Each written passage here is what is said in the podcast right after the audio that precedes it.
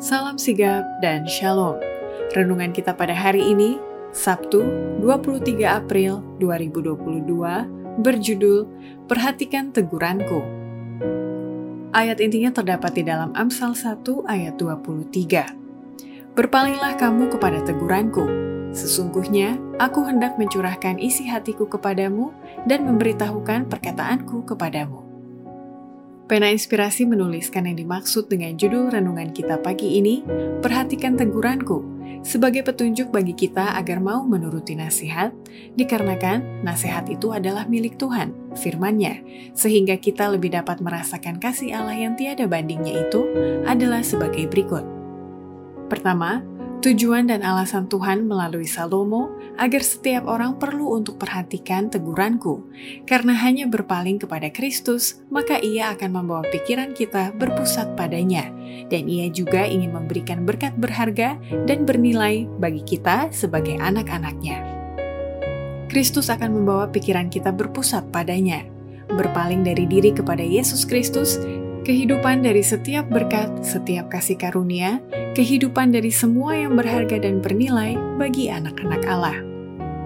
Kedua, tujuan dan alasan Tuhan melalui Salomo agar setiap orang perlu untuk perhatikan teguranku, karena dengan berpaling kepada Kristus, kita dapat melihat iman kita terlalu sedikit, sementara kita perlu iman yang lebih besar untuk bisa menerima berkat besar dari Dia.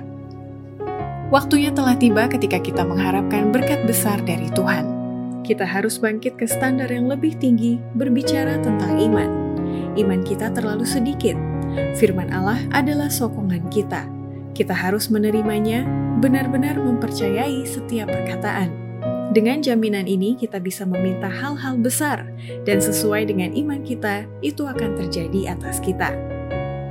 Ketiga, Tujuan dan alasan Tuhan melalui Salomo agar setiap orang perlu untuk perhatikan teguranku, karena hanya dengan berpaling kepada Kristus, ia membuat kita dibenarkan, sebab kebenaran itu bukan berasal dari diri kita sendiri, dan ia juga akan mengenakan jubah kebenaran suci itu kepada kita.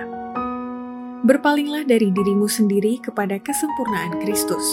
Kita tidak bisa membuat kebenaran bagi diri sendiri, di tangan Kristus ada jubah kebenaran suci, dan Ia akan mengenakannya kepada kita. Ia akan mengucapkan kata-kata manis pengampunan dan janji. Ia menyajikan mata air kehidupan bagi jiwa kita yang dahaga, agar kita boleh disegarkan. Ia mengajak kita datang kepadanya dengan semua beban kita, semua kesedihan kita, dan Ia berkata, "Kita akan menemukan ketenangan."